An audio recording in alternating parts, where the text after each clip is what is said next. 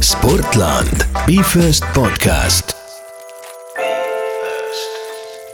tere tulemast meie järjekordsesse podcasti. saate nimeks on Be First ja meie oleme teie saatejuhid Kairi. ja Sandra, antud podcastis räägime me inimestega, kes on Be First mentaliteediga, tehes kõike oma elus täiskäigul, kartmata olla esimene podcastis püüame aru saada, kuidas ka meie ehk siis tavainimesed saaksime nende kogemusi ja harjumusi oma elus rakendada paremate tulemuste saavutamiseks.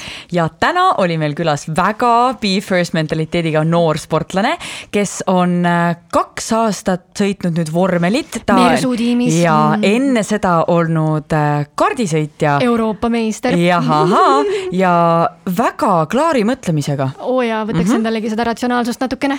ehk siis täna oli külas täna on külas vormelisõitja Paul Aran. ja me räägime temaga sellest, mis tunne on, kui teine vormel reaalselt sõidab sust üle, milliseid kummalisi jõusaali harjutusi peab üks vormelisõitja tegema ja ka sellest, millele võiksid noored rohkem mõelda. täpselt nii ja praegu mõelge ainult sellele, et pange käed kokku, hakake, teritage kõrva ja tehke kõva häält, sellepärast et saates on Paul Aran. Sportland, Be First podcast.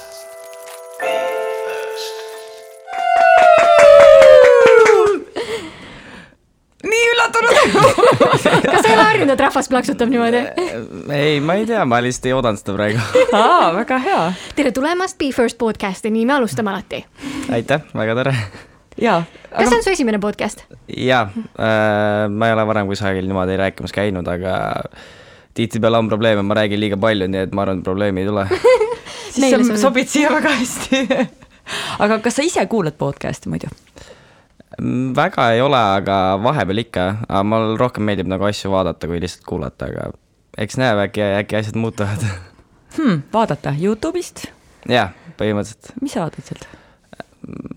Ma ei tea, selles mõttes Youtube'is ma tavaliselt vaatan siis, kui ma olen väsinud või midagi, see on lihtsalt sihuke nagu laser watching või, või no lihtsalt nagu niisama vaatad ja ei mõtle väga, aga tavaliselt, kui ma Netflixist vaatan ja juba läks laamendamiseks, ehk siis kui te ei vaata meid Youtube'is, siis te võite tulla Youtube'i ja vaadata, mis just juhtus. Sandra, millega sa tegeled? saate aru, mis kukkus? ei lõika ma just tahtsin teha seda lõbusat mängu, et kõik, kes kuulavad äh, äh, Spotify's meid, minge vaadake nüüd Youtube'i, saate teada, mis kukkus.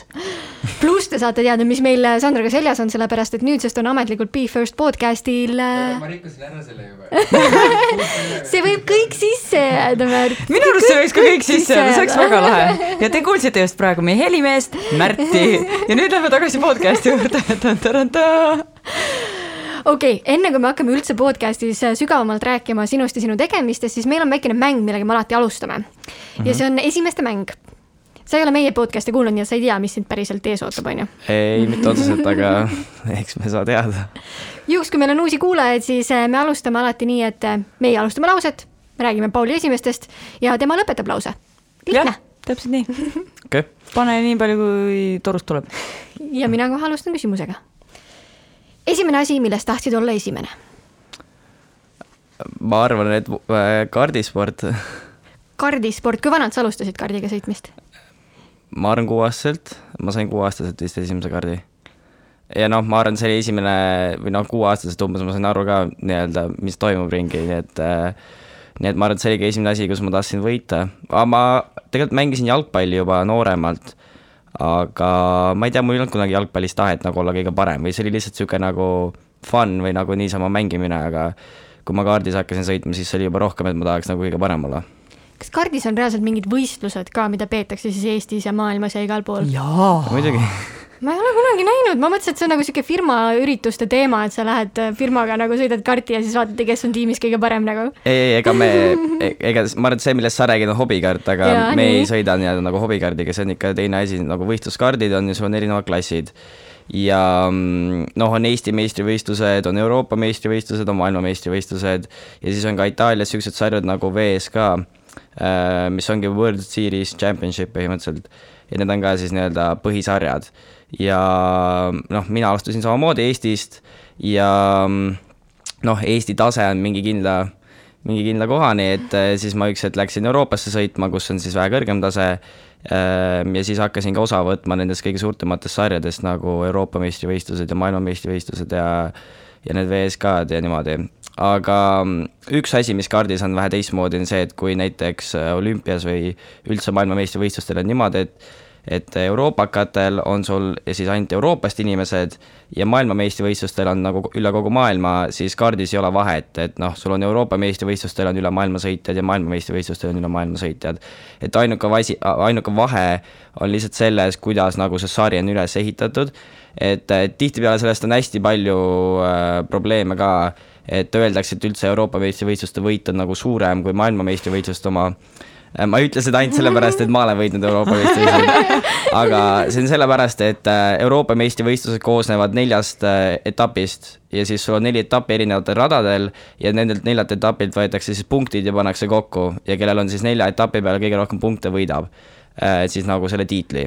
aga maailmameistrivõistlused on ainult üks sõit ja kes võidab, selle on maailmameister põhimõtteliselt Äh, eks siis ongi noh, et öeldakse, et euroopakate võit on nii-öelda tähtsam siis sellepärast, et sa pead olema ikkagi üld, üldiselt nagu eesotsas kogu aeg ja pead suutma noh, neli võistlust järjest näiteks äh, võita või noh, anda endast parima, kui näiteks see, et sa oled maailmakatel ja näiteks üks sõit äkki lihtsalt veab ja võidad ära, noh. Oota, aga kui kaua sa oled karti sõitnud siis? Või kaua sa sõitsid karti? Ähm,? no nüüd ma sõidan alles oma teist aastat vormelit ja ma alustasin äh, vist isegi seitsmeaastaselt või kuue, kuue või seitsmeaastaselt Ehm, noh, nii et ma pakun mingi seitse aastat enam-vähem, jah? midagi niisugust, jah wow.. jah, midagi niisugust, jah. kui kiirelt üldse nagu nende kaartidega sõita saab, millega te sõitsite? sest see hobikaart ei, nagu paned gaasi põhja ikka nagu ei lähe väga. no see oleneb, sul on erinevad klassid, aga no see on kindlasti täiesti teine asi kui hobikaart, pluss suur, hästi suur vahe on rehvidel, et sul on hobikaardil nagu väga-väga vanad rehvid äh, nagu meil nii-öelda kaardispordis käib põhimõtteliselt niimoodi, et sul on noh, muidugi oleneb ka rehvi, rehvi nagu äh, milline see rehv on, noh, sul on pehmemad ja äh, nagu kõvemad rehvid, aga meil on tavaliselt äh, ma ei tea, kuskil viisteist ringi, kakskümmend ringi ja sul on juba uued rehvid. et äh, hobikaardis ma arvan, et sõidad terve aasta ühe sama rehvi paariga, et noh, sealt tuleb hästi suur vahe ja ja no ikkagi kõige kõvem kaardiklass, millega ma praegu teen trenni siis, kui mul vormelisõitu ei ole, mis on KZ, sellel on juba kuus käiku. Ja no see on väga kiire kaart et see on ikka täiesti teine asi kui hobikaart ja sul ei ole äh, neid ring, nagu sul ei ole neid äh, kaitsmeid ümber rataste, mis on siis, ka säästab kaalu. Ähm,. ja see tähendab ka seda, et noh, kui sa ratas rattaga otsa sõidad, siis on, juhtub halvad asjad okay, kui nendest... kiire on väga kiire, ma ikkagi tean, siis ma nägin Instagramis, nägin seda videot, kus sa treenisid ja see tundus mm. nagu ulmekiire, nagu eriti arvestades, sul ei ole mitte midagi ümber. jah, ma, ma ei tea, ma ei oska isegi täpselt kiirust öelda, sest et sa ei näe oma kiirust, aga. suurusjärk. noh. suurusjärk enam-vähem. ma ei tea, ma pakun, et kuskil sada viiskümmend kilomeetrit tunnis on mingi keskmine kiirus Davai siis. aga noh, see tegelikult ei tundu nii suur, aga ei, lihtsalt muidugi. kaardirada on nagu hästi kitsas ja väike nii-öelda mul on maanteel sõitmisega saja kümne juures on juba, kas ma jõuan ikka kõike jälgida või kas ma jõuan ikka kõike jälgida või? see on ikka mega, mega enes- või megakontroll, mis sul peab olema seal, mega keskendumine, mis sul peab olema seal, eks ole? Äh, no, no kindlasti jah, aga ma ütleks isegi, et tegelikult kart on füüsiliselt raskem kui vormel, nagu üldfüüsiliselt, aga vormel on lihtsalt kindlatele kehaosadele raskem, nagu vormelis on sul kaelale palju, kaelal on palju raskem ja kätel on palju raskem, aga kuna kardis sul ei ole pikki sirgeid ja sul on põhimõtteliselt lühikesed rajad, mis on ainult kurvid ja pluss selle KZ-iga näiteks, sa pead kogu aeg vahetama käiku mis tähendab, et sa sõidad ühe käega ja teise käega vahetad käiku, mis on ka tihti kurvi keskel, äh, siis sul on nagu üleüldiselt sa väsid palju rohkem ära, kui näiteks vormelis sa ütleme, et sa sõidad ja sul väsib ainult kael ära või sul väsivad ainult käed ära, siis vormelis sul väsivad jalad ära, sul väsib ülakeha ära, et see on nagu äh, jah, natukene rohkem nagu üldfüüsilisem Vau, okei, äh, mul tekkis umbes kuus küsimust veel sellele, aga, aga me jõuame küsida ja äh, me läheme meie esimeste mänguga edasi. järgmine küsimus, sinu esimene neljarattaline sõber äh,?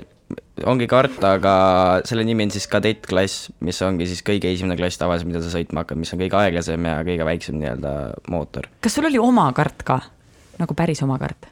Ma ei tea isegi, ma ei, see oli vist minu kaart, ma ei ole kindel, aga noh, tavaliselt on see, et, äh, et noh, nagu sa maksad tiimile ja siis tiim annab sulle nii-öelda kaardi või midagi sihukest, aga ma arvan, et see oli ikka minu kaart küll, jah. okei okay., no näiteks minul on, mul on ratastel nimed kas su kaardil oli ka nimi? ei ole.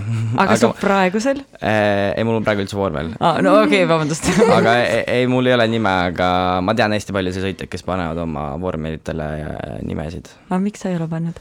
Ma ei tea, see ei ole lihtsalt minu asi, aga aa, okei okay,, selge. äkki see on nagu rohkem siuke naiselik teema nagu, et no ma ei tea, kui sa ütlesid, et väga palju ei, ei pal-, paljudel on, paljudel on, aga äkki Ma sul ei- ole veel siukest sidet tekkinud oma vormeliga, et varsti tahad talle ikkagi nime panna nagu? ei, ei, mul on, mul on. ta lihtsalt tahab kogu, kogu aeg vaata uusi vaata edasi arendada, siis ei hakka, ei hakka nagu pühenduma sellesse, sest et mul tuleb niikuinii varsti uuem ja parem ja suurem ja. ei, eks mul on teised asjad, mis äh, teevad nii-öelda minu vormeli minu omaks, noh näiteks mul on iga aasta, noh, sul on äh, erinevates tiimides erinevad nii-öelda liverid ja no mulle väga meeldib neid asju disainida niimoodi, siis ma iga aasta nagu mis, mis asjad? liverid, noh, kleepsud, et noh, milline vormel välja läheb, sul on iga, oma, igal tiimil on nagu oma kleepsud, eks ju. ja siis sa veel paned sinna peale sponsorid ja asjad ja siis mulle hästi meeldib nagu kujundada neid kleepse ja kuhu iga asi läheb. Ma mõtlesin, et see on kuidagi ette dikteeritud, et teil kõigil peab olema nagu mingit moodi. ja ei, ongi mingit moodi, aga noh, see, kus sa paned sponsorid ja selles mõttes, et see auto läheb täis nagu sponsori kleepse igast asju, et see, kuidas sa need paigutad, on teistmoodi nagu. okei, väga äge. no paljudel tiimidel on ka niimoodi, et äh, nagu igal sõitjal on oma värv ja siis on mingi kuskil on nagu väike sihuke ala, kus on käinud sinu värv, et ütleme noh, mul on sinine kiiver, siis minu värv oleks sinine ja siis ütleme, et mu esitiib ja tagatiib oleks sinine ja siis noh, ütleme su kiiver on mingi rohekat värvi ja siis sinu esitiib ja tagatiib on roheline, aga ülejäänud auto on nagu samasugune, siis sa saad aru. aga meie tiimil seda ei ole. nüüd mul tuleb meelde, et ma mängisin kunagi mingit arvutimängu, kus sai autot disainida niimoodi. Mis see fast, fast sama midagi oli? kõige legem, mis on kõige legem mingi rallimäng, mida arvutite peal mängitakse või vormelimäng või mis iganes see on. ma ei tea, sa tea. tead või mingi? speed mingi asi oli. Need for Speed või? on siuke asi olemas või? Kui on, siis jah, Speed siis, siis jah, siis see järelikult. okei, väga huvitav. okei, okei, ma küsin järgmise küsimuse, muidu meil läheb juba lappesse ära. esimene eeskuju. Äh, mu vend, kindlasti. ja for reference, kes on su vend? Ralf Aron. Aga jaa, ei kindlasti mu vend on äh, mu esimene referents, nagu ma hakkasin üldse tegelema selle spordiga, sest ma nägin, kuidas tema sõitis ja see siis äratas minus äh, huvi selle spordiala vastu. Ja noh, kindlasti nagu vennad on, eks ju, et ma arvan, et eh, su vend on nii-öelda kogu aeg su üks suurimaid rivaale, aga aga ma arvan, et jaa, et Ralf on, on mulle olnud eeskujuks terve aeg ja ma olen lihtsalt üritanud tema käest õppida, sest et tema on kogu selle tee juba läbi elanud ja, ja noh, kõik, mis ma saan teha, on lihtsalt õppida ja proovida paremini teha. mis on võib-olla üks asi, mille sa oled kõrva taha pannud, mida sa tunned, et on nagu kasuks tulnud? Äh, kas sa mõtled mu venna käest Jah, mingi just. advice? no kindlasti see, et ähm, ütleme, kui sul läheb halvasti ähm, või noh, kõik asjad ei ole nii, nagu sa tahaksid, et siis sa pead teiste inimestega ikkagi käituma nagu normaalselt, sest nemad ei ole otseselt selles süüdi. tihtipeale ongi, et kui sul näiteks sõit või midagi halvasti läheb, siis sa hakkad nagu tiimiga õiendama, kuigi tegelikult äkki tiim ei ole midagi valesti teinud, et noh, alati proovida rahulik olla ja rääkida inimestega normaalselt. kui suur roll üldse on nagu tiimil selleks, et sinu sõit oleks hea? no ma ütleks, et tegelikult vormelisport on tiimisport. et jaa, tihtipeale ei olegi kõige parem sõita see, kes sõidab kõige paremini, vaid on see, kes suudab kõige paremini tiimiga koostööd teha Vau, et nagu Lando Norris, üks F1 sõitja ka just ütles, et ähm, ma ei mäleta täpselt, mis quote see oli, aga umbes, et äh, kui sa tahad äh, äh, võita, siis äh, sõida üksinda, aga kui sa tahad jõuda kuskile, et siis nagu sõida tiimiga või midagi sihukest. et tegelikult jah, see ongi nagu tiimisport ja see, et kui sa tuled näiteks sõidult või treenilt maha, siis sa pead ju tiimile andma teada, et kuidas see oli, mida nad saaksid teha auto kallal, et seda parandada. ja mida paremini sa suudad neile informatsiooni anda, seda paremini nad suudavad autot nagu sinu jaoks äh, modifeerida. et, et jah, et ma ütleks, et see on kokkuvõttes ikkagi nagu tiimisport. väga äge, ma üldse ei mõelnud sellele niimoodi, aga tegelikult vastab ju tõele. ähm,. Ma mõtlesin, kas ma saan kuidagi siit teha mingi ilusa ülemineku, aga vist, vist väga ei saa praegu. Lähme siis järgmine, järgmine küsimus, sinu esimene. väga ilus üleminek aitäh oli, väga ilus. tiimisport, aitäh, esimene reis, mille sa üksinda ette võtsid? Äh, ma arvan, mu esimene reis oli samamoodi võistlustele minek, ma vist äh, sain just neliteist ja enamus lennufirmadega saab vist juba neljateistaastaselt üksinda reisida. ja oligi vist, et äh, keegi ei saanud minuga kaasa tulla ja siis ma läksingi üksi nagu võistlustele kas sa mäletad, kuhu ka? ähm,. võib-olla oli Prantsusmaa, ma ei ole kindel, aga võib-olla oli üks Euroopa meistrivõistluste etapp äh, ja siis ma läksin Prantsusmaale üksinda. kas hirmus ei olnud nagu neljateistaastaselt üksi minna kuhugile niimoodi seiklema? ei, või nagu niikuinii kogu aeg olen reisinud, et sellel ei olnud väga vahet, nagu mul tihtipeale, mulle vähemalt meeldib rohkem reisida üksinda kui näiteks mingi saatjaga või midagi, ma olen nagu, mul on olnud niimoodi, et äh, samamoodi kui ma olin neliteist, siis mõne lennufirmaga ei tohi üksinda reisida ja siis mulle pidi saatja võtma ja ma ei nautinud absoluutselt seda reisi, sest ma ei saanud mitte midagi teha, ma võin ainult tema järgi käima, ma pidin kogu aeg ühes kohas olema nagu noh, mulle meeldib nii-öelda vabadus või ma sain teha, mis ma tahtsin, kui ma üksinda reisin. Kas saatja tähendas vanemat või see tähendas kedagi, kelle tiim, ma ei tea, saatis ei, ei saatja on äh, lennujaamas, kui sa oled äh, noh, lennujaamas sulle antakse nagu inimene kaasa, kes sinuga okay. käib seal mingi lennukitel ja saadab sind igale poole. ma ei teadnudki, et niimoodi tehakse oota, neliteist ongi siis ametlikult see vanus, kus võib üldse vormeliga sõitma hakata, jah? ei, viisteist on vormelisõit. Mm, okei, okei. Aga ma tahtsin enne küsida, et äh, kas enne, kui sa hakkad sõitma, sa ütlesid, ütlesid, et sa hakkasid kuueaastaselt sõitma, kas selleks on mingit luba ka vaja? Või lihtsalt on let's go ja hüppad autosse sul on vaja võidusõidulitsentsi, mille sa saad siis, kui sul on tervisetõendid ja asjad ja siis äh, Eesti Autospordi Liit annab sulle siis litsentsi. ahah, aga kas keegi kontrollib ka reaalselt, et sa oskad sõita või ei huvita kedagi? ei, aga tegelikult reeglites on kirjas, ma ei tea, kas kardis on, aga vormelis on vähemalt reeglites kirjas, et kui on näha, et sõitja ei suuda autot kontrolli all hoida, siis talle põhimõtteliselt antakse must lipp ja siis ta on nagu mm., ei tohi enam nagu sõita. ma oletan aga..., et sul ei ole seda juhtunud. ei, mul, ma ei ole, ma otseselt ei tea ka kedagi, kellel oleks see juhtunud. lihtsalt on olnud näiteks võistlustel niimoodi, kui üks sõitja sõidab nii agressiivselt, et äh, talle antakse must lipp, et ta nagu võetakse maha, sest et ta lihtsalt sõidab teist sõitjat välja nagu. aga kuidas sa saad aru, seal on ju, see käib niimoodi, paned mööda, ta võib seda musta lipuga seal ju lehvitada ja kust ma saan aru, et kellele No. see oli? sest et äh, rajad ehitatakse niimoodi, et alati stardi-finiši joonel oleks sirge. Ja siis ongi seal sirge peal on tavaliselt niisugune sild, kus peal seisavad siis nagu äh, inimesed Ahah. ja siis noh, nad silla pealt seal lehvitavad või siis raja kõrvalt ja küll sa näed seda, noh, see on reeglites kirjas, et sa pead Ahah. seda nägema ähm,. Aga kui sa oled ikka väga keskendunud ja sa oled lihtsalt vahid seda teed, näe. disklahvi said nagunii juba, nii et sa võid sõita, aga no mm, vormelis on vähe lihtsam, sest sul on raadio ka ja su insener saab sulle öelda raadiosse, aga ma ei tea ühtegi korda, kus nagu sõitja siis nagu tegelikult ka ei näeks. on juhtunud niimoodi, et sa näiteks finišilippu ei näe või midagi, sest sa oled Aa. nii keskendunud sõidule ja siis kogemata sõidad ühe ringi veel, aga no siis tavaliselt ei tehta midagi, aga no tihtipeale, kui on nagu, et sõitja ei näe, siis nad äh, jooksevad ka poolenisti raja peale ja noh, nagu tõesti lehvitavad seda sinu ees ja no lõpuks ikkagi sa ei tahaks joosta sinna raja peale. et noh, lõpuks ikkagi tehakse selgeks neile, et noh, nad ei tohi raja peal olla. okei okay,, ebaõnnestumisi sul ei ole veel olnud, aga räägime sinu esimesest õnnestumisest. Äh, Eesti meistrivõistluste võit. ma arvan, ma just mõtlesin selle peale, kui ma sõitsin siia, ma ei teagi, kas see on kaks tuhat viisteist või kaks tuhat kuusteist, ma kuskilt ei leidnud ka. oota, ma teen ühe nalja, kas tulid kardiga, ei, kas tulid vormeliga? issand, kui halb nali, lõigake, lõikame selle välja. ei, see jääb sisse. aplaus Sandrale, suurepärane töö. Anyway, millest me rääkisime? sa võid vastata ikka vormeliga või kardiga, vasta siis ära ikka. ei, ma tulin taksoga. Lähme edasi, esimene õnnestumine, Eesti meistrivõistluste tiitel, nii. kui lihtsalt või raskelt see tuli?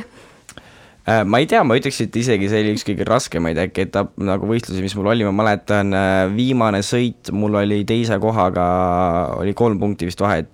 Ja ma alustasin esimeselt ja tema alustas teiselt finaalis ja põhimõtteliselt, kui tema võitis ja ma jäin teiseks, siis oli tema Eesti meister, kui ma võitsin, ta jäi teiseks, siis ma olin Eesti meister.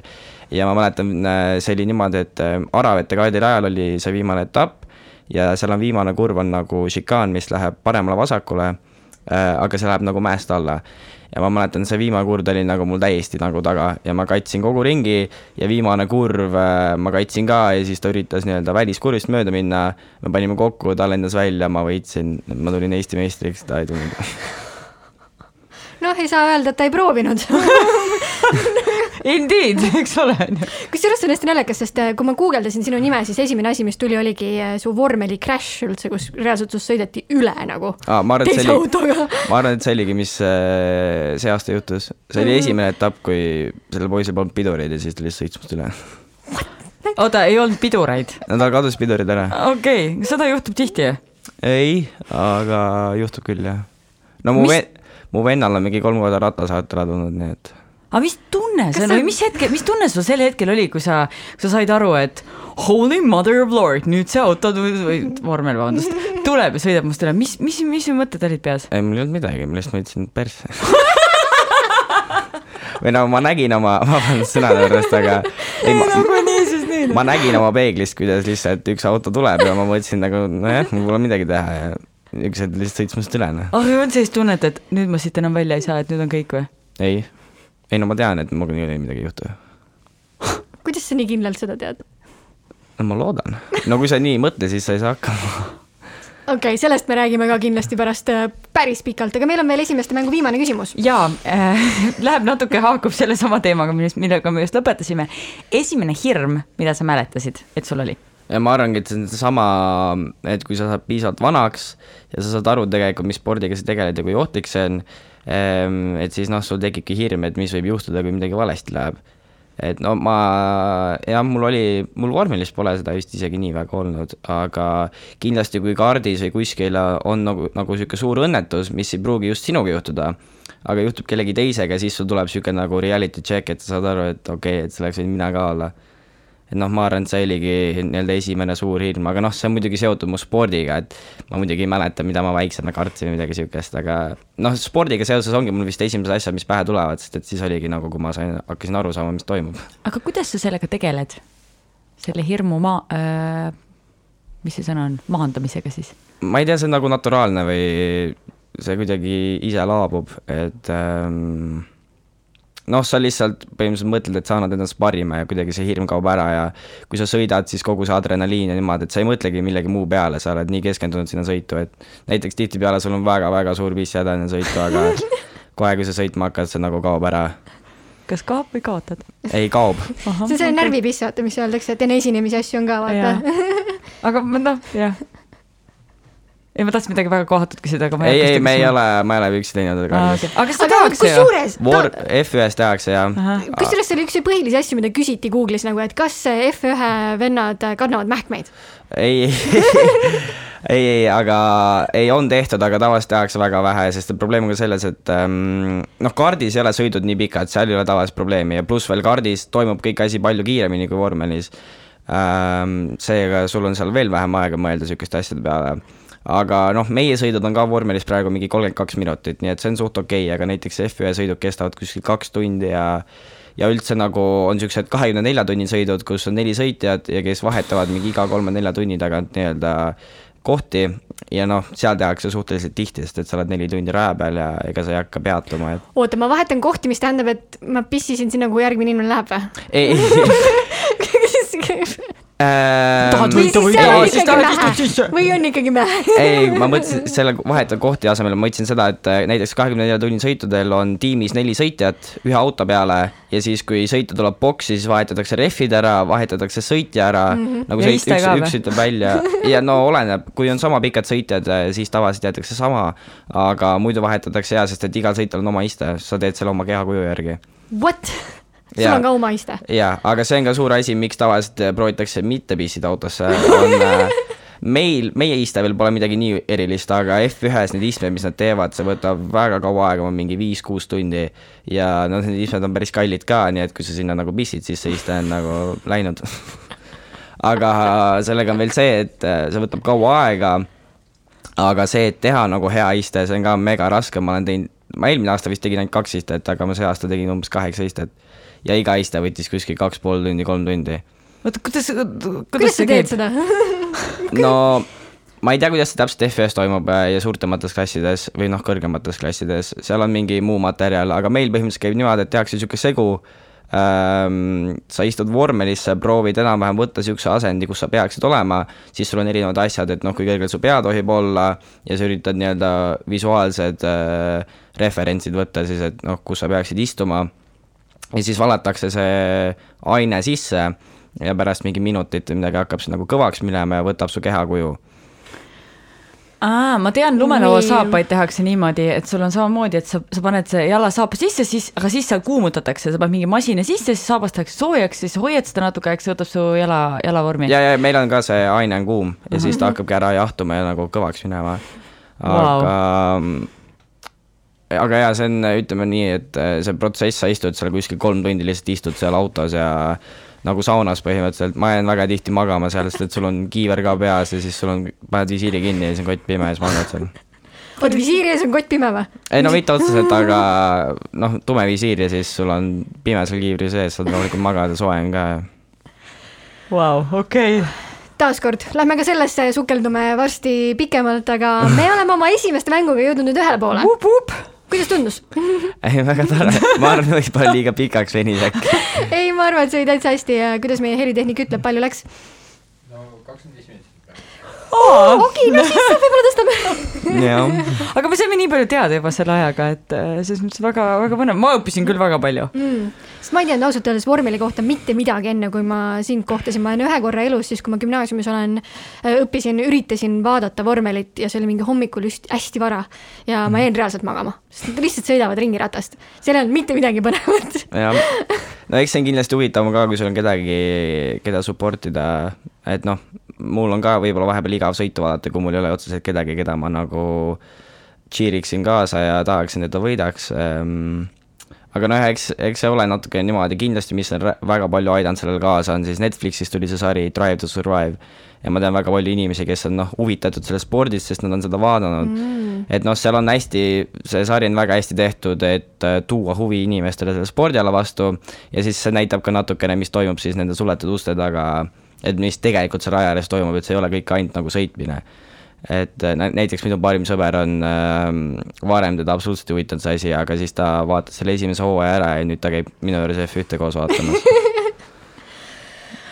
okei okay,, aga räägime korra, paljud kuulajad tõenäoliselt ei tea, et sa oled veel nii noor, et tegelikult sinu põhitöö ei ole üldse vormelisõit. sinu põhitöö valitsuse silmis on koolis käimine ehk siis sa oled täna kuusteist, kuueteistaastane.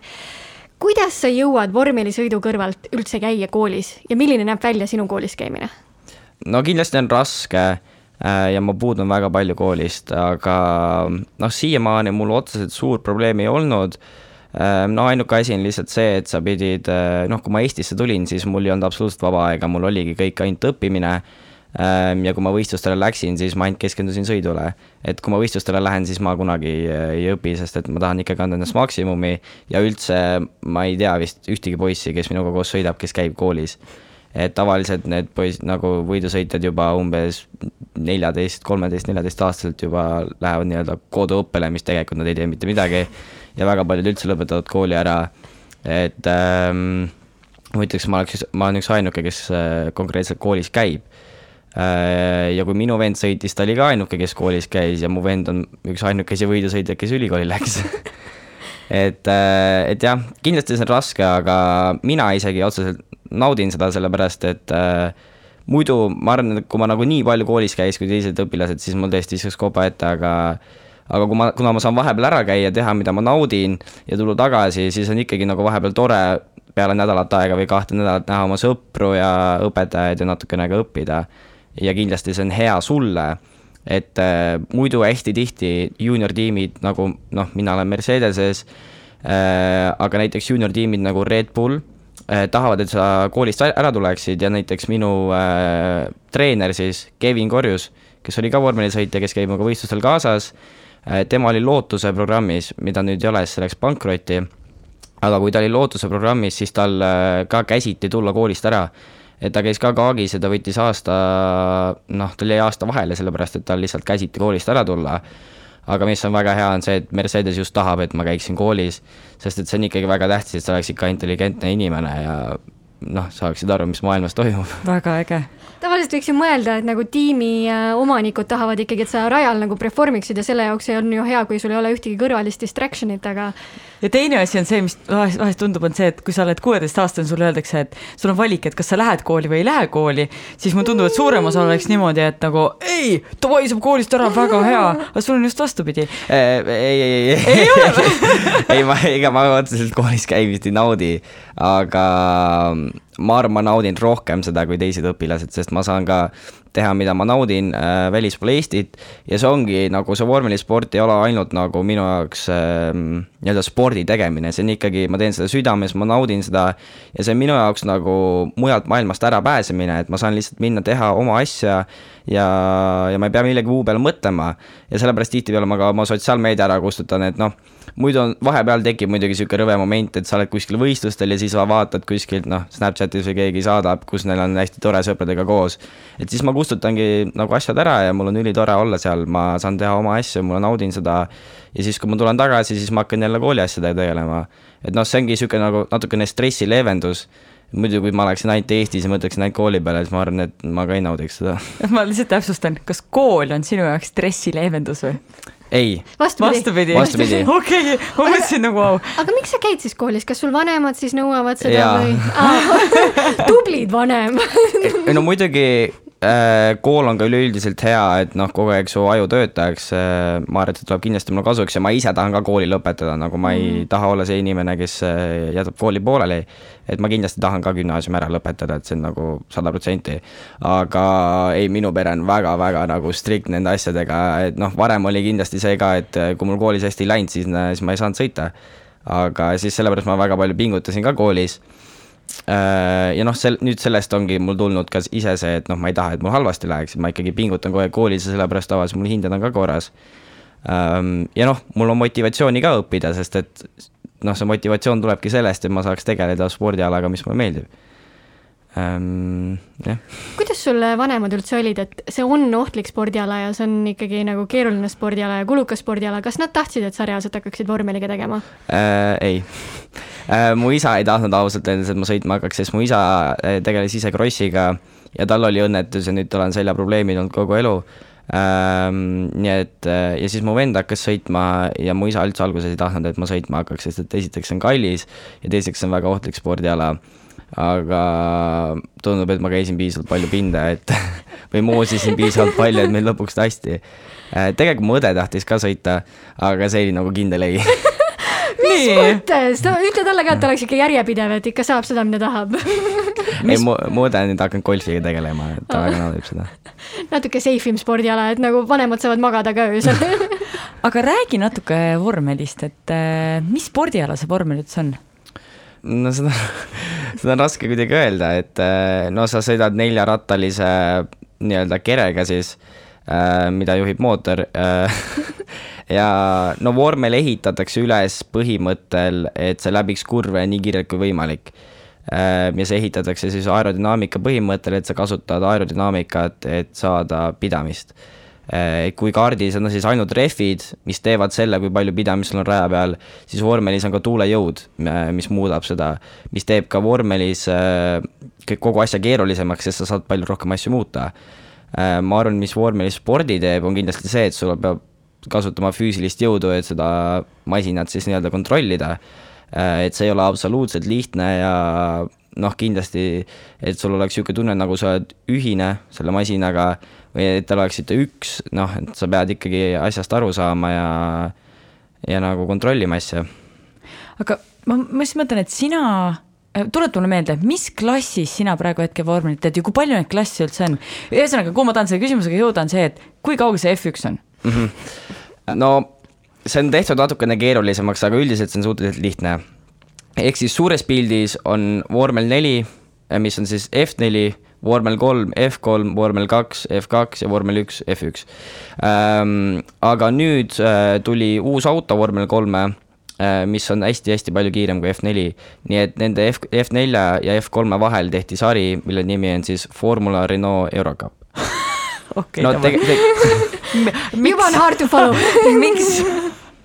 aga see on sellepärast, et äh, noh, tavaliselt sarjad on äh, FIA, FIA on siis see põhi nii-öelda asi, mis kõike korraldab ja mis nii-öelda approve ib siis asju. et teised sarjad ongi siis FIA poolt tehtud, aga kuna Renault's äh, on Renault mootorid ja see on nagu Renault poolt korraldatud, siis selle nimi on ka Renault. ahah, neil on lihtsalt raha üle, nad tahavad teha oma sarja äh,. no sellel oli väga suur äh, vaidlus selle üle, sellepärast et tegelikult on kaks sarja, kus on sama autot äh, või siis noh, sama auto, et ongi see Renault sari, mida ma sõidan ja siis on teine sari Regional ja ongi kaks sarja. Äh, ja pidi tegelikult olema üks sari äh, selle autoga, aga kuna FIA läks selle teise sarja peale ja ei tulnud Renault'ga, siis Renault ütles, et okei okay,, me teeme oma sarja ja läks hoopis niimoodi okei okay,, aga mul on üks aegade algusest juba küsimus seoses nagu vormeliga. miks seda üldse nagu niimoodi, miks, miks see tehakse, miks panevad, miks paneb Mercedes, miks paneb Renault, miks nad panevad nii palju raha selliste asjade, kas see on kuidagi mingi võimu näitamine, et joo-joo, meil on paremad mootorid või et meil on kõvem rehv nagu miks, see on ju äh, nii kallis. ma parandaks ruttu ühe asja ära, et äh, rehvid on kõigil samad ah,, okay. et rehvi tootja on nagu, kes sponsoreerib sarja, et sul ah. ei ole, et iga tiim toodab ise rehvi, sul on äh, erinevad rehvitootjad nagu Pirelli on kõige kuulsam, mis on siis F1 ka ja siis Pirelli sponsoreerib seda sarja ja provide ib neid nii-öelda rehvidega siis. aga noh, ma ise väga hästi ei oska seda öelda, aga kindlasti see on kõigepealt see advertisement siis, et kui sa näed, Mersu on nagu top of the top ja siis üleüldiselt ma arvan, see car market'is nagu on see advertisement, pluss kogu see tehnoloogia, eks nad kasutavad seda ka autodes ja näiteks superautodes ja et ma arvan, et nad kasutavad seda tehnoloogiat ja nüüd on nagu suhteliselt uus sari nagu Formula E ja seal on ka väga palju siukseid nagu BMW, Mersu, Jaguar, et hästi paljud nemad on ka seal ja ma arvan, et see ongi ka selleks, et näidata nii-öelda seda movement'i, mis nad teevad siis selle jaoks, et keskkonda parandada ja, või noh, et selle jaoks, et liikuda elektrimootorite poole. et ma arvan, et see on üleüldiselt ka sihuke advertisement nagu mm. -hmm aga räägi natukene sellest ka, et sinu kui sportlase jaoks, kui kallis siis see spordiala on?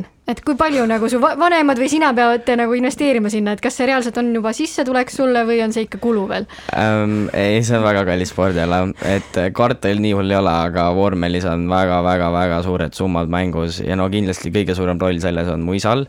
Äh, noh, tihtipeale öeldakse, et vormelisport on rikaste sport ähm,. nii kurb kui see on ähm,, siis jah, kui sul ei ole otseselt raha, siis on väga raske vormelis läbi lüüa, aga seda on tehtud äh, nagu näiteks Kevin Korjus jällegi äh,, minu äh, siis treener, tal ei olnud ka üldse raha ja siis sa peadki otsima endale sponsoreid äh,. muidugi halb asi on see, et Eesti absoluutselt ei toeta sportlasi siis, nagu näiteks Venemaal maksab üldse riik paljude sõitjate eest kinni. et ongi niisugune nagu SMP Racing, mis on siis Venemaa poolt tehtud nii-öelda niisugune nagu ka nagu juunior-tiim põhimõtteliselt ja siis nad toetavadki finantsiliselt sõitjaid, aga Eesti absoluutselt ei toeta ja üldse Eesti sponsoreid leida on väga-väga raske võrreldes teiste riikidega ähm,. nii et sul ongi vaja ikkagi natukene, et sul oleks oma perel ka raha mis oligi siis alguses mu isa põhimõtteliselt siis äh, finantseeris kogu mu karjääri ja eks ma kogu aeg äh, proovisime leida sponsoreid ja lõpuks, kui mul siis viimane aasta kaardis hästi läks, siis äh, me suutsime saada Mersu mind toetama ja nüüd siis nii-öelda Mersu aitab ka finantsiliselt meid. kuidas sul õnnestus saada Mercedes endale sponsoriks? ähm,. kuulan no, huviga mida? kuulan huviga paneme kõrva taha, nii. I no, love you on... Škoda by the way, Škoda I love you, I love you ma olen veel vaba, nii, Mersu, nii, räägime äh, no peale sõidu oli seal väga suur roll äh, poliitikal põhimõtteliselt äh, ja tutvustel. et kindlasti mul viimane aasta kaardis siis äh, läks väga-väga hästi äh,. ma põhimõtteliselt võitsin ära kõik asjad, mis sa said võita Äh, kaasa arvatud Euroopa meistrivõistlused. Äh, ja siis otsustasin minna nii-öelda vormelisse. no ja kohe peale siis seda head aastat äh, minu vend hakkas tegelema sellega ja noh, ma ise ka tegelesin, et leida kuskilt endale nagu juunior tiim. sellepärast, et see oli kõige nii-öelda parem võimalus leida kuskilt raha ja ja juunior-tiimiga tuleb ka see, et noh, need otsused teha, et kas sa jääd üks aasta veel mingisse sarja või sa lähed järgmisesse sarja edasi või mis tiimiga, et need on tegelikult väga rasked otsused ja kui sul on niisugune asi nagu juunior-tiim, kus on väga palju inimesi, kes tegelevad sellega, siis see teeb su elu üleüldiselt palju lihtsamaks ähm,. Nii et ka see oli üks pluss, mis sellega tuli. aga oligi, et äh, mu vend läbi tutvuste siis suutis äh, ähm, nii-öelda siis sebida äh, väikse nagu koosoleku, kus me siis rääkisime Mersu inimestega või no põhiliselt Meersu juunior tiimi mänedžeriga siis äh, ja me tulime niisugusele diilile siis, et mind pannakse option programmile, mis tähendab seda, et järgmine aasta siis vormelis, mis on minu esi, mis oli mu esimene aasta, äh, Nad jälgivad mind ja nad ei andnud mulle mitte mingit nagu referentsi või mitte mingit kindlat äh, kohta, mida ma peaks saavutama või mingit kindlat tulemust, mida ma peaks saavutama, et lihtsalt anda ennast parim ja, ja nad ütlevad, kas see on nende jaoks piisav ja noh, mul läks eelmine aasta hästi, Mers oli rahul sellega ja siis nad võtsidki official'i mu enda nagu sõitjaks. et eelmine aasta juba räägiti, et ma olen Mersu sõitja ja mul olid kleepsud ja asjad, aga tegelikult nagu finantsiliselt ja niimoodi nad absoluutselt mind ei aidanud. Aga et nüüd see aasta ma olen nüüd nagu siis uh, official'i Mercedese sõitja, mind aidatakse finantsiliselt ja nüüd ma pean hakkama käima siis ka niisuguseid meedia activity ja asju tegema siis Mersuga. mis sa arvad, kui suur roll oli sellel, et sul oli, et sa oled väga andekas sportlasena versus see, et sul on äh, see suhtumine paigas, mida nad vaatasid täpselt sinu juures? Ma arvan, et väga suur roll oli kindlasti sellel, et ma olen hea sõitja, aga võib-olla, mis väga muutis ka, oli see, et äkki nad nägid minus intelligentset inimest. Vähemalt ma loodan, et kui me käisime sellel kokkusaamisel, siis äh, ta rääkis, noh, ehk siis ta all ma mõtlen Mersu Unitimi mänedžeri siis ähm,, ta nii-öelda nägi siis äkki, et ma olin koolis käinud ja et ma saan natukene rohkem aru, mis toimub, et ma olin intelligentne inimene ja ja ma arvan, et see mängis ka suurt rolli, sest et äh, nagu näiteks äh, Mercedeses on tavaliselt väga elegantsed inimesed ja nendel on väga tähtis su suhtumine ja noh, kui palju sa tead, mis toimub ringi maailmas, mis tähendab, miks, mis on ka põhjus, miks ta tahab äh, või miks Mersu tahab siis, et ma koolis käiksin. aga näiteks Red Bullis on rohkem siuksed inim-, noh, ma ei taha seda halvasti just öelda, aga kui näiteks sõidus on niimoodi, et Mercedes, ütleme, sa oled teisel kohal, siis Mercedes oleks väga rahul sellega, et sa lõpetad teisega, kui võtta mingi risk ja proovida võita. siis Red Bull on just see, kes tahab, et sa võtaksid riski ja prooviksid võita ja noh, kui juhtub midagi selle riski võtmisega, näiteks panete kokku ja üldse kaotad, et see on siis okei okay,, vähemalt sa võtsid riski, et proovida võita. kui Mers oleks just rohkem rahul sellega, et too punktid koju ja jää teiseks. et noh, seal on natukene teistsugused nagu põhimõtted see on lihtsalt kuidagi nii nagu peegeldab Mersu brändi kuvandit, nagu mida ma ise ka kujutaks ette, sihuke rahulik ja elegantne. tasas sõuad, kaugele jõuad. ja Red Bull oli ka suht, suht äkesse aga vahet ei ole, lihtsalt pane. jah, et ähm, noh, ja miks on ka see, et näiteks Mersus vaata, mul võttis ikkagi ikkagi kaks aastat aega, et saada Mersu sõitjaks, et alguses mind jälgiti ja siis võeti sõitjaks, kui Red Bullis on niimoodi, et nad võtavad su kohe sõitjaks, hakkavad sind kohe finantsiliselt aitama, aga noh, ma ikkagi ei räägi praegu nagu fakte, eks ju, et see on mm -hmm. piltlikult või umbkaudselt, aga aga kui sul halvasti läheb, siis nad põhimõtteliselt kohe viskavad su välja mm. -hmm. et Mersu võtab natukene rohkem aega, et analüüsida seda sõitjat ja saada aru, kes, kes ta päriselt on, ja tavaliselt, kui nad sõitja võtavad, siis nad ikkagi viivad selle sõitja tippu, mitte nagu Red Bullis, Red Bulli teataksegi läbi selle põhimõtteliselt, et nad viskavad väga-väga palju sõitjaid välja. ja praegu näiteks Aleksander Albon, kes sõidab F1-e oli tegelikult kunagi Red Bulli äh, juunior tiimis, ta visati välja ja nüüd ta sõidab Red Bulli F1-e. et noh, seal Red Bullis on alati hästi palju sihukest nagu draamat ja siukseid jamasid, noh, ma ei tea, Mersus siiamaani, mul ei tule pähe ühtegi sõitjat, kes on äh, nagu välja visatud, et tavaliselt kui Mersusse on sõitja võetud, siis ta on ikkagi tippu viidud räägi meile korra natukene, milline üldse on sinu nii-öelda tööpäev äh, vormelisõitjana? Kas te mõtlete siis nagu võistlusnädalavahetust? no ütleme näiteks jah äh, nojah, sest põhimõtteliselt kodus ma tegelikult väga midagi ei tee, noh, ma kindlasti pean tegelema mingi meilide asjadega ja ja siuksed meedia asjad, aga võistluspäeval tavaliselt on äh, või võistlusnädalavahetus või võistlusnädal, peaks tegelikult ütlema, äh, on siis põhimõtteliselt, et ma lähen ähm, kuskil viis päeva enne võistlusi, lähen Pariisi siis lähen tiimitehasesse, kus me teeme siis ühe päeva Äh, sõidame simulaatorit sellel rajal, kus sõit tuleb äh, ja räägime üleüldiselt asjad üle, et äh, kui palju rehve me sinna viime, et mis trennis me mida teeme ja noh, mingi räägime, et enam-vähem, kus on pidurduskohad ja asjad niimoodi, et seda kutsutakse siis nagu briifinguks või noh, koosolek. ja siis peale seda teeme simulaatorit, sõidame selle raja peal ja harjutame, siis õpime nii-öelda, kui sa rada ei tea, siis õpid selle raja pähe ja nii edasi. Ja siis tavaliselt päev peale seda lähme tiimiga raja äärde Äh, kus pannakse üles telki asjad. Ja tavaliselt päev peale seda on vaba või siis on juba testipäev, mis ongi, et terve päev on, äh, sul on aega, ma ei tea, ütleme kella kaheksast kella kuueni. Ja siis sa põhimõtteliselt sõidad nii palju kui võimalik, äh, testid erinevaid asju, testid erinevad nagu setup'e, et tiim muudab sulle autot ja see ütleb, milline on parem, milline on halvem. Ja üleüldiselt sõitjana üritad ennast parandada, et noh, nagu saada siis maksimumi ja sõita nii perfektselt kui võimalik. Ehm, ja siis äh, tavaliselt peale testipäeva on äh, siis äh, trennide päev, kus sul on kaks trenni. ma räägin siis sellest aastast, põhimõtteliselt eelmine aasta mul oli natukene teistmoodi, aga ma siis mm -hmm. võtsin nagu referentsiks siis selle aasta.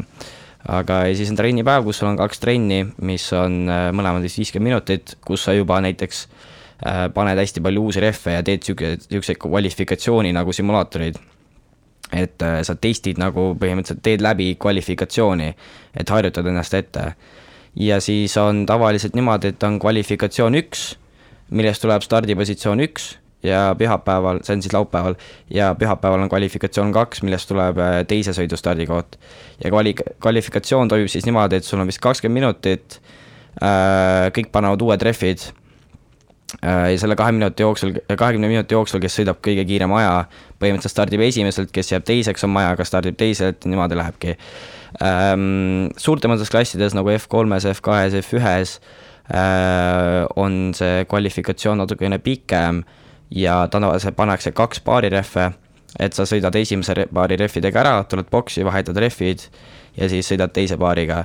ja tavaliselt äh, siis teise paariga kõige parem aeg, sellepärast et äh, sul läheb bensu vähemaks ja kaal läheb väiksemaks.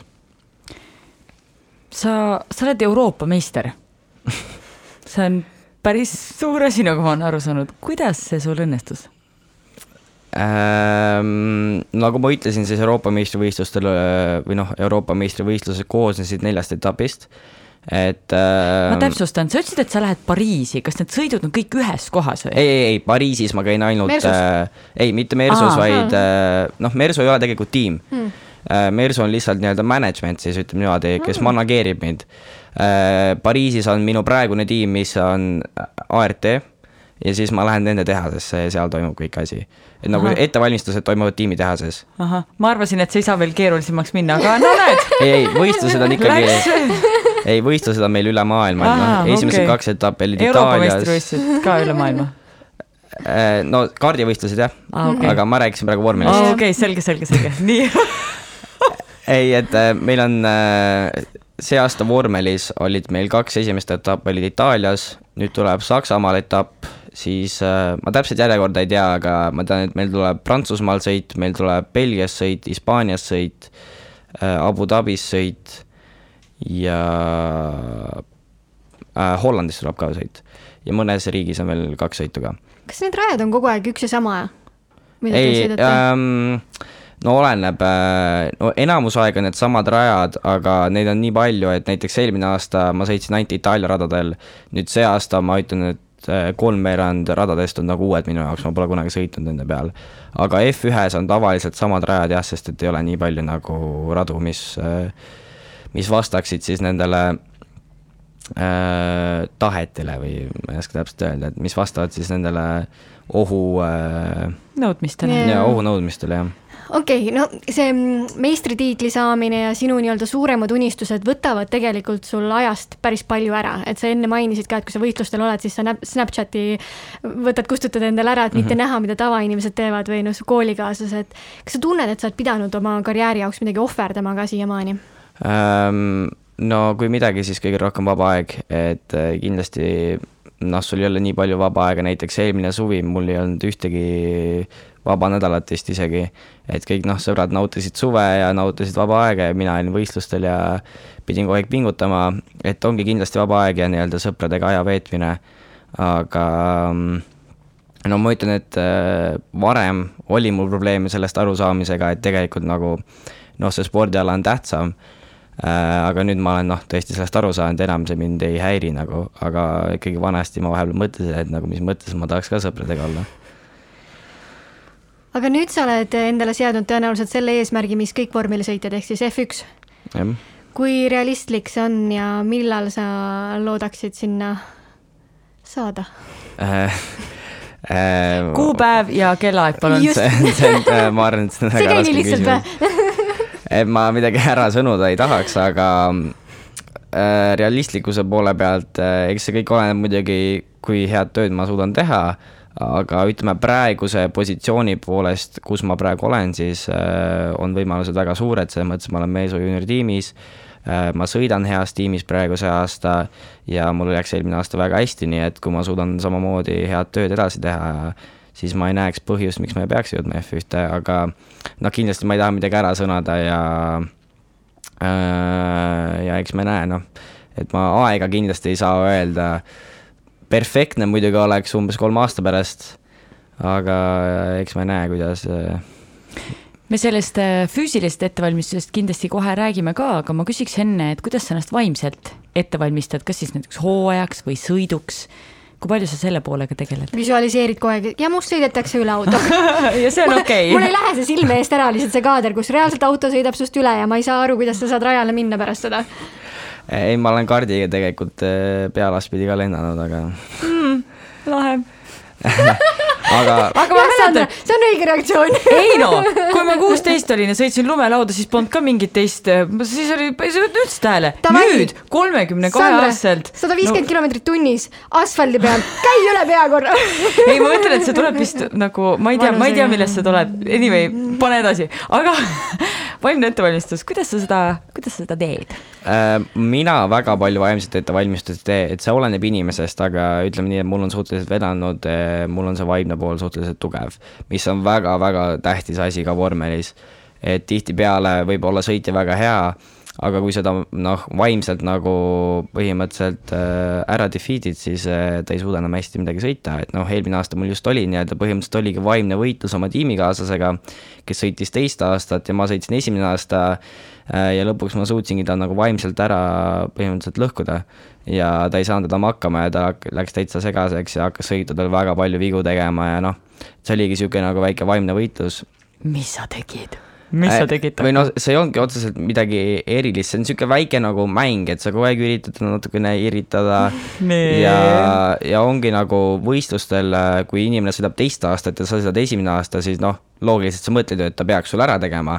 et ongi, sa üritadki vaikselt hakata talle nagu ära tegema ja ei aita teda enam ja noh, see on niisugune nagu lõpuks läheb tavaliselt tiimikaaslaste vahel asi suhteliselt kitsiks, et et äh, noh, mul see aasta on veel suhteliselt head suhted tiimikaaslastega, aga noh, lõpuks me ei sallinud ennast üldse noh, et me ikkagi käitusime normaalselt üksteisega, aga seda oli näha, et me otseselt nagu sõbrad ei olnud.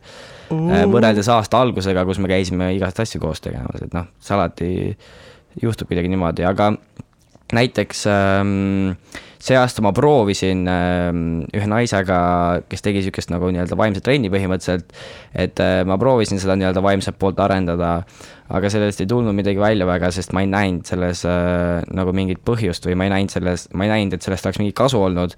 ja niisuguste nagu vaimsete trennidega sa pead olema väga motiveeritud ja pead nagu tõesti süvenema sellesse asja, aga kuna ma ei näinud põhjust, kuidas see võiks mind äh, paremaks teha, siis äh, sellel ei olnud otseselt mingit põhjust, et kui sa ei näe vaimselt mingit probleemi, siis on väga raske seda ka parandada kui ma vaatasin äh, Youtube'ist erinevaid vormelivideosid äh, enne seda podcast'i, siis seal räägiti sellest, et hästi raske on äh, või no mis eristab nagu väga head sõitjat heast sõitjast, on just see, et kas ta suudab kasutada ratsionaalset ajupoolt või emotsionaalset, sest emotsionaalselt me tahame ju kõik võita ja võime teha mm väga lolle riske ja otsuseid, kuidas sa tunned, kumb pool sinul domineerib sõidu ajal? nojah, eks see oleneb, alati mida noorem sa oled ka, siis seda rohkem on see emotsionaalne pool nagu mängus ähm,. aga jah, et see ongi tegelikult, sa peadki leidma selle balansi, mis tegelikult ka me selle nii-öelda naisega töötasime äh,, mille kallal või noh, siis selle mentaalse äh, treeneriga. et äh, seda menta-, nagu seda emotsionaalset poolt natukene stabiliseerida ja seda ra- ratsionaalset poolt natukene rohkem nagu välja tuua, sest ma arvan, et ma olen ikkagi suhteliselt emotsionaalne inimene ja ma teen seda sporti nagu tõesti südamega. et vahest see on parem, kui sa nagu noh, nii emotsionaalselt ei ole selles sees, sellest, sest selles ongi asi, et kui sul hakkab halvasti minema ja see emotsionaalne pool võtab üle, et siis võibki, sealt võibki kõik nagu allamäge minna.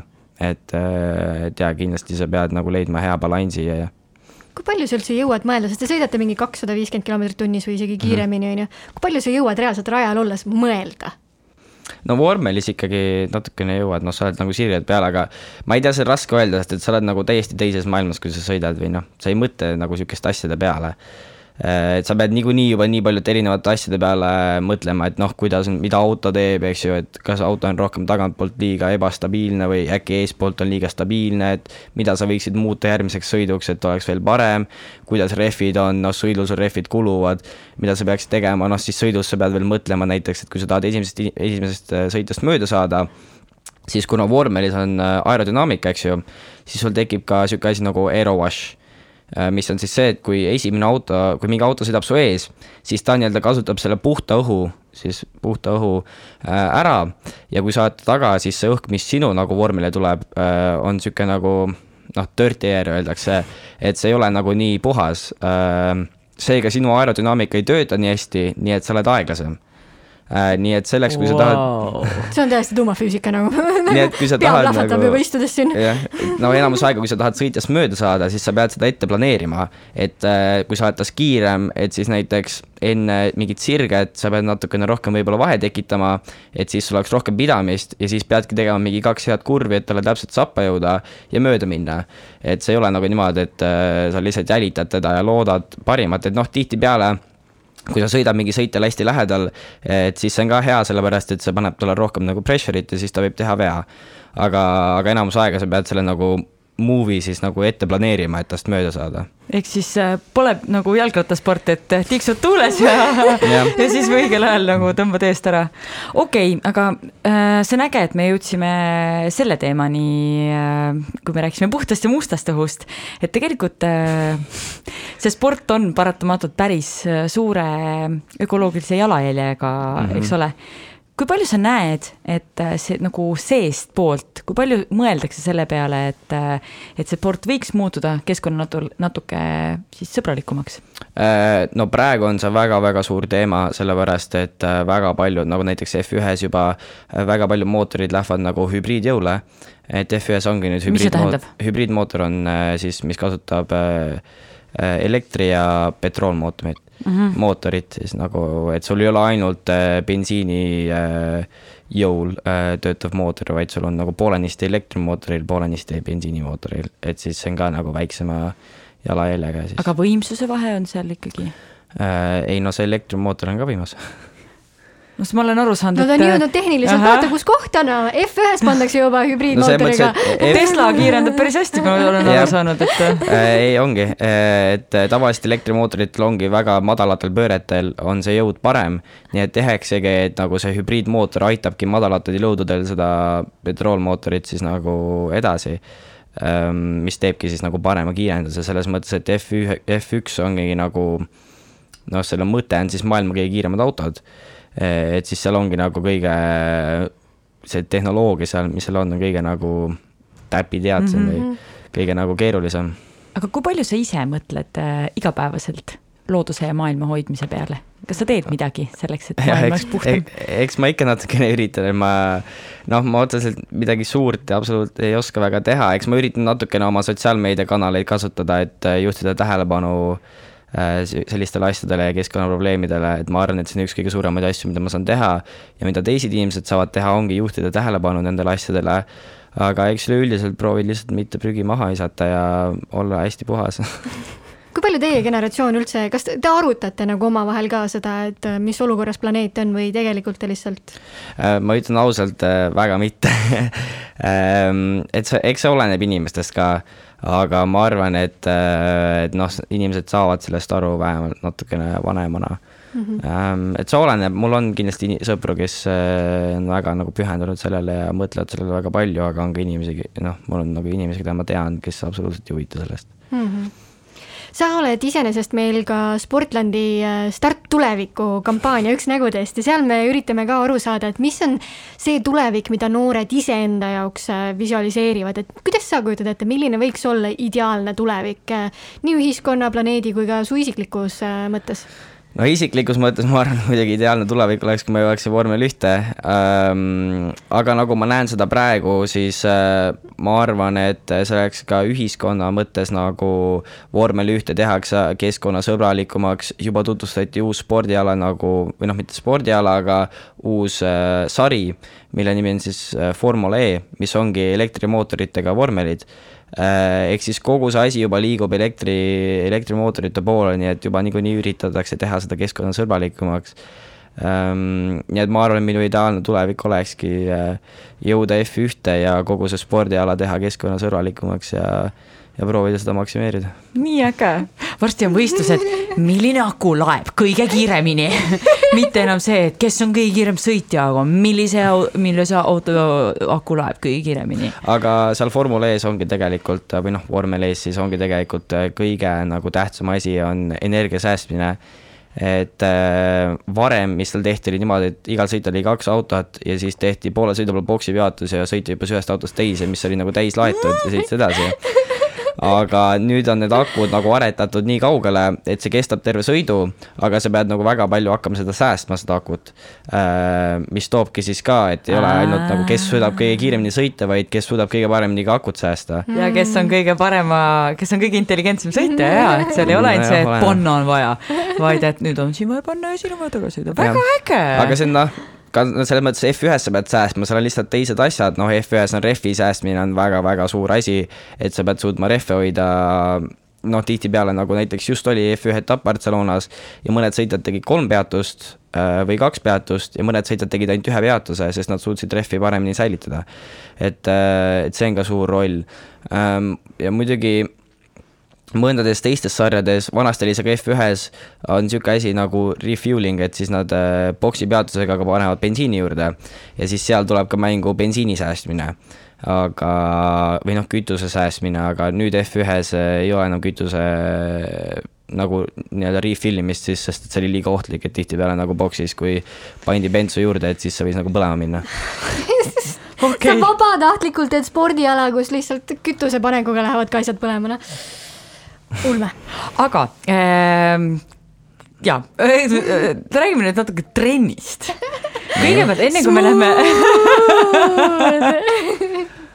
Anyway äh,, enne seda, kui ma tahan sinu trennist kuulda, ma tahaks kuulda, et kas boksi peatuses need vennad, kes lasevad ja tangivad, onju, kas nad teevad ka trenni yeah.? no on... kas nad teevad jõusaali ka või? jaa, meil oh on igas äh, tiimitehases on jõusaal, kus need äh, siis mehaanikud äh, teevad trenni kas, kas teile, kas sinna sotsiaalmeedia spetsialisti ei ole vaja ma sellises keskkonnas töötaks küll äh,. ei, igal tiimil on küll äh, nagu noh, oleneb, mõned tiimid on sellest rohkem nagu, mõnedel tiimidel on see nagu suurem prioriteet kui teistel, aga enamus tiimidel on ikkagi nagu sotsiaalmeedia mänedžer siis mm -hmm. nii-öelda, kes tegeleb Instagrami asjadega ähm, nagu näiteks ma arvan, kõige parem näide, mis ma saan tuua, on äh, tiimist Prema, kus minu vend ka töötab, ta on seal äh, tiimimänedžer.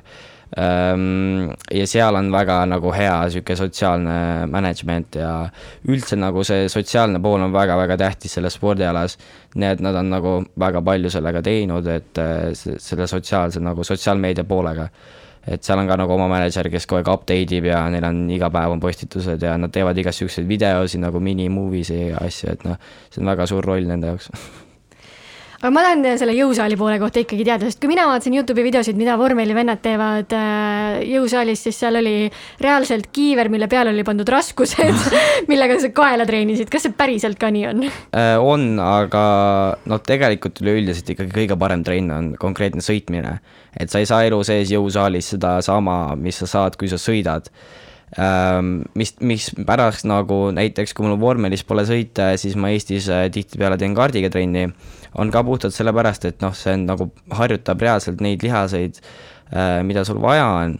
kindlasti sa saad jõusaalis treenida, nagu näiteks sa pead olema väga heas üldfüüsilises vormis, ma käin jõusaalis.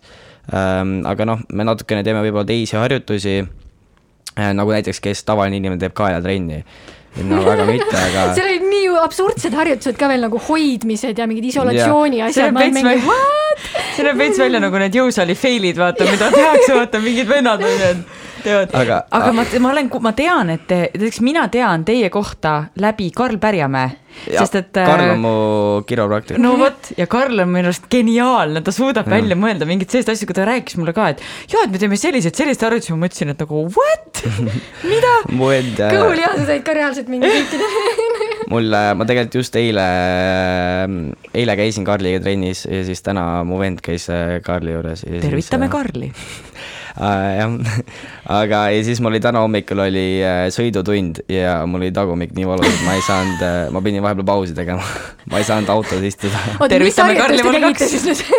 Äh, no ütleme nii, et Karl on, tal on väga spetsiifilised harjutused, mis on spetsiifilistele kohtadele ja kuna ta töötas ka mu vennaga, siis ta teab väga hästi, mis kohti peab harjutama, mis on ka, mispärast ta mind treenib. Aga noh, tegelikult üldiselt on ikkagi ka väga tähtis äh, nagu see üldkeha siis nagu vorm. kerelihaste tugevus siis. jah, et sa teedki nagu hästi suuri harjutusi, nagu näiteks ongi deadlift ja siuksed asjad, mis on ikkagi vanad nagu head jõutõmbed. jah, nagu suured lihased või suured lihasegrupid mm, -hmm. et need on ka väga suur roll, aga üleüldiselt vormeli jaoks, kui sa treenid, siis on nagu õlad, õlad, käed ja kael. Kui palju sind iseennast huvitab see, et, et sa teaksid, miks on mis harjutust tarvis teha? Äh, no ütleme niimoodi, et äh, kui ma Karliga teen, siis ma muidugi ei muretse, mis, mis on õige ja mis on vale, aga kui ma ise teen, siis ma üritan lihtsalt üld, üleüldiselt nagu äh, enam-vähem äh, teha harjutusi, mis tunduvad, mis oleksid õiged, et ma ausalt öeldes väga kindel ei ole, aga tundub, et töötab okei okay,, üks asi on see füüsiline pool, on ju, aga kui te kogu aeg näete vaeva selle nimel, et auto oleks piisavalt õiges kaalus, et kütust on vähem ja mis iganes, kuidas sinu enda kehakaaluga on, kui oluline see on spordiala juures? no ütleme niimoodi, et kaardis on isegi sellel suurem roll, et kaardis on tihtipeale, kus sõitjad nagu, kuna seal on need äh, kaalulimiidid on nii väiksed, siis tihtipeale sõitjad nagu peavad nagu reaalselt äh, väga vähe sööma ja hoidma kindlat kaalu, sest muidu nad on lihtsalt ülekaalus ja see on neile nagu disadvantage. aga vormelis on need kaalulimiidid nagu natukene kõrgemad, et meil võetakse iga sõitja kaal ja siis võetakse keskmine kaal ja see on nii-öelda nagu limiit ja mul ei ole otseselt selle kunagi probleemi olnud, aga noh, alati on hea olla natukene kergem kui raskem, sellepärast et vormeli peal on kindlad kohad, kus sa saad panna lisaraskust, et siis, kui sõitja on nagu kergem mm,, sa paned lisaraskust okei. okay. ja ka see lisaraskus on üks asi, millega saab muuta siis, kuidas, kuidas vormel käitub, nagu näiteks tihtipeale saad raskusega muuta siis nagu setup'i. Et äh, parem on, kui sul on nagu ruumi mängida nende raskustega, kui see, et sul on lihtsalt sõita nii raske, et sa ei saa lisaraskust panna. aga kas see tähendab seda, et sa reaalselt jälgid ka, mida sa sööd ja kuidas sa toitud või? ja ei, ma jälgin küll, aga ma ütleksin, et see on rohkem minu jaoks kui nagu spordi jaoks ja mulle endale meeldib lihtsalt äh, nagu tervislikumalt toituda, et noh, see oleneb, ma ütleme siin, et suvel nagu mul ei ole väga hästi sellega läinud. aga üleüldiselt, eks ma üritan nagu tervislikult toituda ja mitte väga palju kaalu juurde võtta Paul Aron, mis on sinu lemmiksöök äh,. Sushi, mm.? ma ei oleks oodanud seda, Mm -hmm. eks. aga tõepoolest kvalifitseerub tervislikuna vist või? ma ise ei söö sushit. ei oleneb, seal on hästi palju, hästi palju kaloreid. see on savi, kui temp-, tempura on nii hea, et seal ei ole vaja kaloreid. kõigi, kõigil ei saa alati kaloreid. kanatempura. see on vist praegu noorte lemmik. huvitav. ma, ma räägin, ma ei tea, ma ei söö sushit, ma olen, ma iga aasta proovin uuesti, aga see on äh, nasty. miks? ma ei tea, see on nagu. kas sa küpsetatud sushit oled söönud või? aga äkki, äkki peate kanatempura proovima? jaa. ühesõnaga, kui keegi soovib mulle saata head sushit, siis võite saata, ma prooviks järgi, kas on palun saatke siis, kui mina olen ka siin ja pange magusat sushit ka palun juurde, aitäh. siis palun jah, aitäh.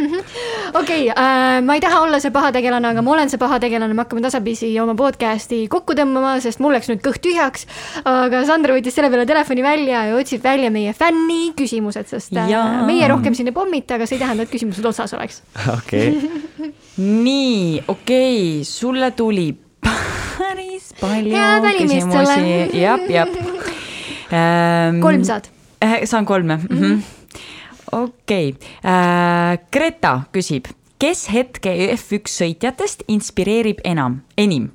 mitte ainult rajal, vaid üleüldiselt. kellega mm. samastud kui hea täpsustus. mm? -hmm. Samastuda on raske öelda, aga kes kõige rohkem inspireerib, on kindlasti, ma arvan äh,, Charles Leclerc äh, ja Lewis Hamilton, ma ütlen siis kaks nime.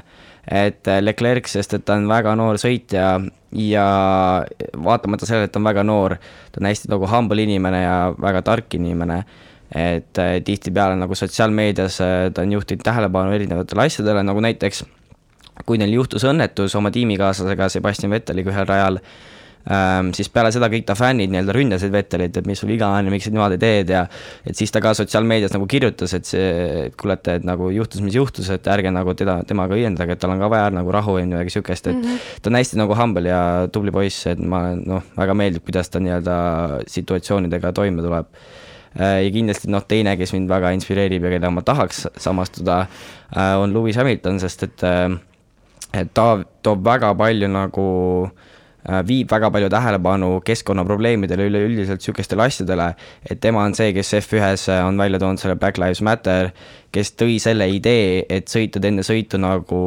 sellena pannakse maha see Black Lives Matter pilt ja tehakse pildid ja noh, neil on niisugune nagu väike, väike nagu noh, ma ei oska öelda, memorial. Äh, kus nad kõik siis noh, mitte kõik, aga paljud sõitjad siis äh, lähevad põlvele ja nii-öelda näitavad enda respekti selle vastu, et see oli mhm. tema alustatud äh,. samamoodi tema oma sotsiaalmeedias üleüldiselt kogu aeg viib tähelepanu keskkonnaprobleemidele, et vaatamata sõidule ta on väga nagu aktuaalne inimene ja te, nagu ta tea, alati kursis, mis maailmas toimub ja üritab alati tähelepanu viia sinna, kus seda on vaja.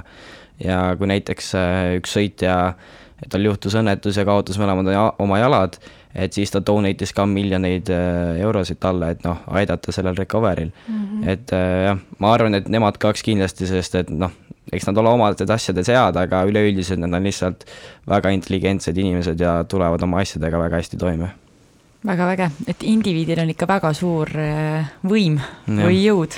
ja nüüd, kui sa räägid neist niimoodi inimeste tasandil, siis ma mõtlen ka, et äkki peaks kõike seda vormelit vaatama nagu, et noh, kui nii, nii head inimesed seal nagu võistlevad, et siis võiks ju korra panna käima, vaadata, mis toimub. jaa, aga järgmise küsimusega äh, me lähme indiviidist tegelikult just selle tiimi peale. Tim, shout out to Tim Vaino, äh, küsib, kui oluline on algusest peale olla õiges meeskonnas. Väga oluline, ma arvan, et ma ei tea, kas te ennem küsisite ka selle kohta, et äh, kas mulle makstakse mm -hmm. selle sõidu eest. et äh, tihtipeale headele sõitjatele, noortele sõitjatele siis ütleme äh, pakuta, nagu pakuvad näiteks siuksed väiksemad ja nii-öelda siis halvemad tiivid pakuvad, et tule meiega sõitma ja me maksame sulle raha mm. -hmm. aga ükski põhimõtteliselt sõitja ei, või ei võta seda, sellepärast et no ütleme, suures pildis, isegi kui sa oled hea sõitja, sa oled halvas tiimis, sa ei suuda tippu sõita. et noh väljaspoolt vaatavad inimesed, et, see on väga halb sõitja, aga noh, ütleme, et need inimesed, kes peavad teadma, need saavad ikkagi aru, kas sa oled hea sõitja või ei ole või kas on nagu tiim, kes on mm. nii-öelda halb.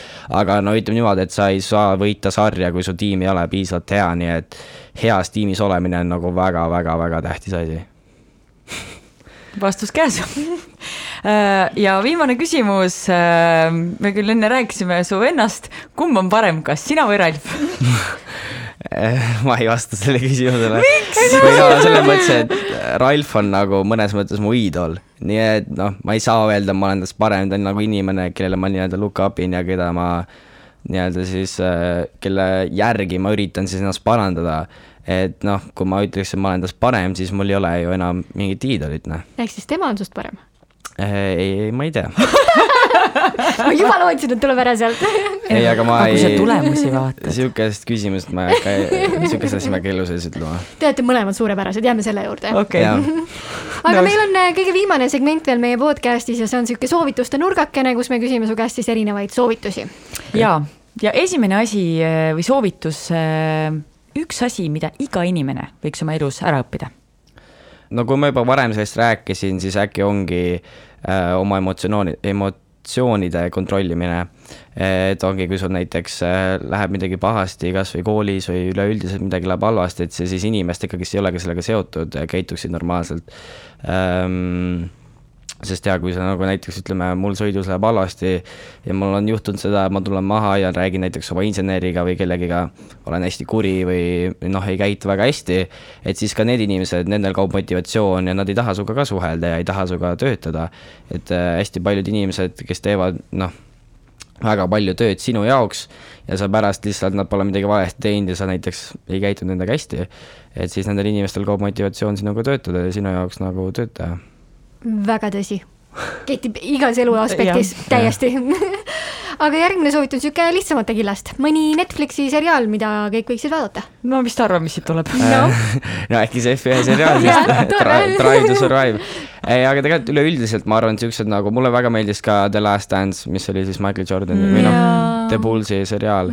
et no ma arvan, et seriaalid on, on üleüldiselt siuksed, mida sa vaatad ja siis sa hakkad mõtlema, et, et no kurat, ma võiks ka oma elu kokku võtta või noh, võiks midagi nagu teha, et sina jah? või noh, muidugi, sest et sa oled ikka täiega pillapall oma eluga. lihtsalt nagu luuserdad siin ja istud ja Viru keskuses ja chill'id. need on siuksed nagu motiveerivad sarjad, kus sa kindlasti õpid ja ma arvan, et üleüldiselt see on lahe näha nagu erinevaid spordialasid nagu erinevatelt silma, noh, erinevat vaadetelt. et äh, ma õppisin väga palju sealt The Last Dance'i sarjast ja mulle väga seda hakkas väga korvpall meeldima. et, et ma arvan, et äh, Drive to Survive ja The Last Dance on kaks sarja, mida ma soovitaks. väga äge. ja viimane soovitus, mõni raamat, mida sa soovitaksid lugeda? Äh, ma ise loen praegu Rafael Nadali raamatut äh, ja noh, ma ütlen niimoodi, et ma väga suur raamatufänn ei ole, nii et ma soovitaksingi äkki Nadali raamatut, samamoodi äh, on huvitav vaadata teiste inimeste nagu nii-öelda vaatepildis siis äh, erinevaid spordialasid ja sa õpid väga palju ja üleüldiselt sa õpid, kuidas nagu noh, erinevate situatsioonidega toime tulla ja kuidas mingi inimene käitus erinevate situatsioonidega. ja noh, kui sa õpid, mida rohkem sa õpid erinevate inimeste kohta, seda rohkem võib-olla see aitab sul kaasa näiteks oma tulevase tiimikaaslase defeat imisel et noh, kui sa enam-vähem suudad aru saada või kui sa oma silmaringi kogu aeg ara-, ava- äh,, silmaringi kogu aeg arendad siis see aitab sul kaasa nagu saada oma tiimikaaslaste nõrkustest aru ja pärast nagu ära kasutada. Väga põnev. väga hea lause, mille pealt lõpetada. ärakasutamine, et kuidas see käib? Eh, kui sulle Nadali raamat meeldib, siis ma soovitan sulle ka Andre Agassi raamatut.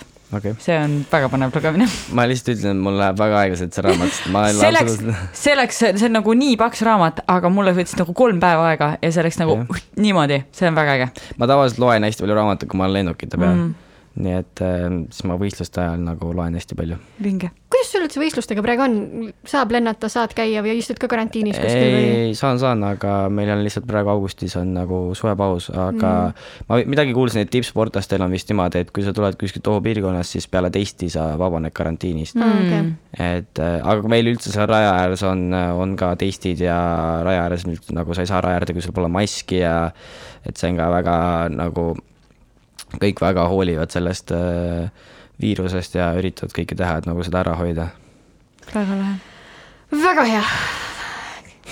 tõmbab, igast midagi. ma, ma proovin vaadata, et kui ma piisavalt kaua vaatan Sandrale otsa, äkki ta lõpetab ise podcast'i ära testime. me võime siin päris kaua aega istuda. Ten hours later, okei okay.. ühesõnaga suur-suur aitäh, Paul, et sa meile külla tulid. Aitäh kutsumast. ja väga lahe oli sinuga rääkida, ma õppisin hästi-hästi palju selle spordiala kohta ja, ja üldiselt. ja nüüd me elame sulle kaasa. meil on väga vaja veel, kellele elada kaasa. väga inspireeriv. Pane, pane täiega edasi. ja No aitäh, kuulajad, et te olite taas kord meiega ja järgmise episoodini. tšau. aitäh teile. Sportland, Be First podcast